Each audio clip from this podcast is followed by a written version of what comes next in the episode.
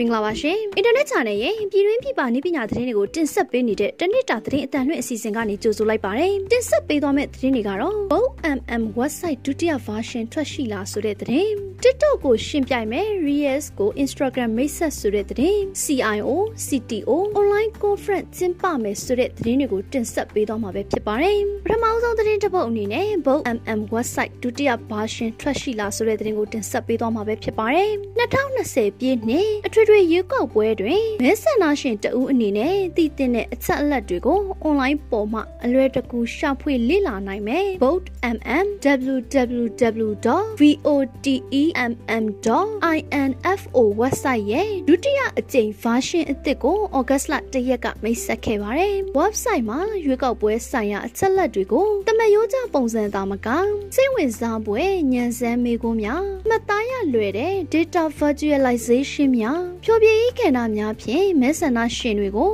အသိပညာပေးလိုသောရည်ရွယ်ချက်နဲ့မိဖက်အဖွဲ့အစည်းတွေဖြစ်တဲ့ဖန်တီးရရွေးကောက်ပွဲဆိုင်ရာပြည်သူ့လှုပ်ရှားမှုအဖွဲ့ Internews နဲ့ Democracy နဲ့ရွေးကောက်ပွဲဆိုင်ရာအကူအညီပေးရေးနိုင်ငံတကာအဖွဲ့အစည်း International Idea အဖွဲ့တို့မှပူးပေါင်းအကောင့်ထဲပေါ်ဆောင်ရွက်ထားတာပဲဖြစ်ပါတယ်။မေလ29ရက်ကအများပြည်သူစတင်အသုံးပြုနိုင်စေရန် Vote MM website ကိုကနဦးဖြန့်ဝေခဲ့ရာ website ပေါ်တွင်ပြည်ထောင်စုရွေးကောက်ပွဲကော်မရှင်မှကြေညာထားတဲ့တီစဲပါတီများစီရင်ရွေးကောက်ပွဲဆိုင်ရာပြည်သူ့လှုပ်ရှားမှုအဖွဲ့ Peace မှပြုစုထားတဲ့ Democracy နဲ့ရွေးကောက်ပွဲညံစမ်းကဏ္ဍ International Idea မှပူးတွဲပြုစုထားတဲ့ Democracy နဲ့ရွေးကောက်ပွဲအသုံးအနှုန်းများကဏ္ဍစတာတို့ပါဝင်ခဲ့ပါတယ်။အဆိုပါပထမ version မှာ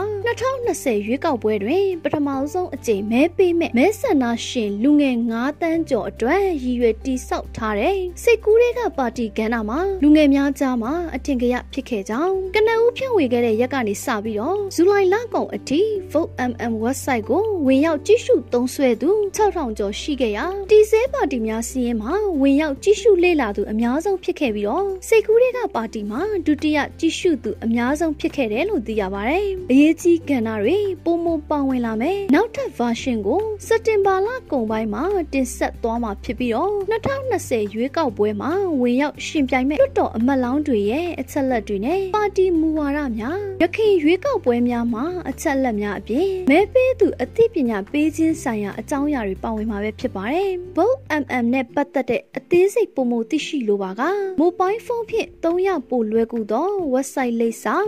www.votemm.info နဲ့ Facebook လိပ်စာဖြစ်တဲ့ www.f b.com/votemm.info ကိုဝင်ရောက်လေ့လာနိုင်ပါတယ်။ဆက်လက်ပြီး TikTok ကိုရှင်ပြိုင်မဲ့ Reels ကို Instagram မိတ်ဆက်ဆိုတဲ့သတင်းကိုတင်ဆက်ပေးသွားမှာပဲဖြစ်ပါတယ်။ Instagram ဟာ15စက္ကန့်စာဗီဒီယိုရိုက်ကူးပြီးအတန်နဲ့အဖက်အပြင်ဖန်တီးမှုဆိုင်ရာ tools တွေပါဝင်တဲ့ Reel လှုပ်ဆောင်ချက်ကိုမိတ်ဆက်လိုက်ပါတယ်။ Instagram အနေနဲ့အလွန်ကြော်ကြားတဲ့ TikTok ကိုရှင်ပြိုင်ဖို့ Reels ကိုဖြန့်ချီလိုက်တာပါ။ Instagram ကင်မရာထဲမှာ Reel ကိုထည့်သွင်းထားပြီးတော့ဒီဇိုင်းပြောင်းလဲထားတဲ့ interface ကိုတွေ့ရပါမယ်။အဲ့ဒီမှာအတန်ထည့်သွင်းတာ ARFS timer နဲ့အကမျိုးစုံအတွက်ကောက်တောင်းစတဲ့ tool တွေကိုတွေ့ရပါမယ်။ Reels ကိုဝေမျှတဲ့ပုံစံ post ဒါမှမဟုတ် live video တွေကိုဝေမျှတဲ့နည်းလမ်းနဲ့တူပါတယ်။သုံးစွဲသူက Reels video ရဲ့ privacy setting တွေကိုပြောင်းလဲနိုင်ပါတယ်။ဓာတ်ပုံဒါမှမဟုတ် video ကြည့်တယ်လို့ပဲ Reels ကိုကြည့်နိုင်ပါတယ်။ feed ဒါမှမဟုတ် discovery tab အတွင်းမှာ Reels တစ်ခုပေါ်လာပါမယ်။ Instagram ကတော့ဖြောပြရေးနဲ့လှုံ့ဆော်မှုပေးမယ်။မူလ content တွေကိုပြသဖို့ feature အဖြစ်သတ်မှတ်ပြီးတော့ Reels video ကိုပြသပါမယ်။ Instagram အနေနဲ့ Reels ကို American, UK, India, Japan, Australia, ပြင်သစ်နဲ့ Germany တို့မှာဖြန့်ချိထားပါတယ်။နောက်ဆုံးသတင်းတစ်ပုဒ်အနေနဲ့ CIO CTO online conference ကျင်းပမယ်ဆိုတဲ့သတင်းကိုတင်ဆက်ပေးသွားမှာပဲဖြစ်ပါတယ်။ e-commerce လူဆွမ်းအားအရင်းမြစ်ဖွံ့ဖြိုးရေးစက်ကော်မတီနဲ့မြန်မာနိုင်ငံကွန်ပျူတာပညာရှင်အသင်း MCPA တို့ရဲ့ဦးဆောင်မှုနဲ့ရန်ကုန်တိုင်းဒေသကြီးကွန်ပျူတာပညာရှင်အသင်းမှ CIO CTO online conference ဆွေးနွေးနှီးနှောဖလှယ်ပွဲကိုဩဂတ်စ်လ28ရက်နဲ့28ရက်တွေမှာ online မှာကျင်းပပြုလုပ်သွားမယ်လို့သိရပါတယ်။နှီးနှောဖလှယ်ပွဲကိုကဏ္ဍအမျိုးမျိုးမှာ CIO CTO တွေအတွက် roles and responsibility scale and certification awareness of industry 4.0 and focusing idea transformations by innovative way အစရှိတဲ့ရှုထောင့်များမှာသိရှိဖွယ်စင်ကြယ်ဖွယ်တွေးတောဖွယ်ရာများရရှိစေခြင်းဖြင့် transformation လုပ်ငန်းတွေကိုပုံမထိရောက်အကျိုးရှိစေဖို့အတွက်ကျင်းပပြုလုပ်တာဖြစ်တယ်လို့သိရပါတယ်။ အခမ်းအနားမှာအစိုးရနဲ့ပုဂ္ဂလိကကဏ္ဍများမှာ Chief Information Officer CIO တွေ Chief Technology Officer CTO တွေ Multinational Corporation MNC Non-Government Organization NGO